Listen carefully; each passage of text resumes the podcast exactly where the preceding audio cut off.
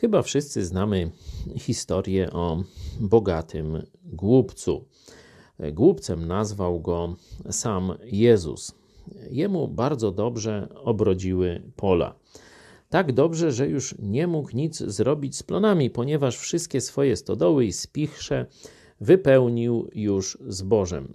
Zaczął się zastanawiać, co dalej zrobić i wymyślił – Rozwalę te wszystkie spichrze i stodoły, zbuduję nowe, dużo większe, wszystko tam zgromadzę i wtedy powiem do duszy swojej: Duszo, masz wiele dóbr złożonych na wiele lat, odpocznij, jedz, pij, wesel się. To jest dwunasty rozdział Łukasza, werset dziewiętnasty.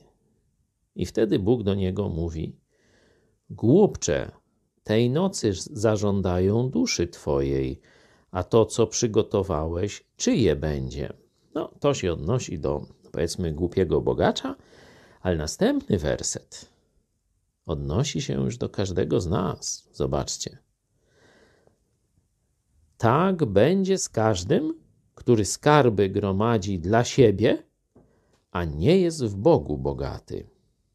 Warto się zastanowić, kiedy pracujemy, kiedy gromadzimy majątek, chociaż w czasach pisowskich jest to trudne, no bo no i tak wszystko jest spreparowane, byśmy żyli, jak to się mówi, za miskę ryżu, tylko w kółko się kręcąc jak komiki w klatce. No ale powiedzmy, że Polak jest zaradny i potrafi i gromadzi jakieś nadwyżki, jakieś ma jeszcze zapasy. No i pytanie, dla kogo to gromadzisz? Czy dla siebie? Czy żeby służyć Bogu. Jeszcze raz, Jezus powiedział: Tak będzie z każdym, który skarby gromadzi dla siebie, a nie jest w Bogu bogaty.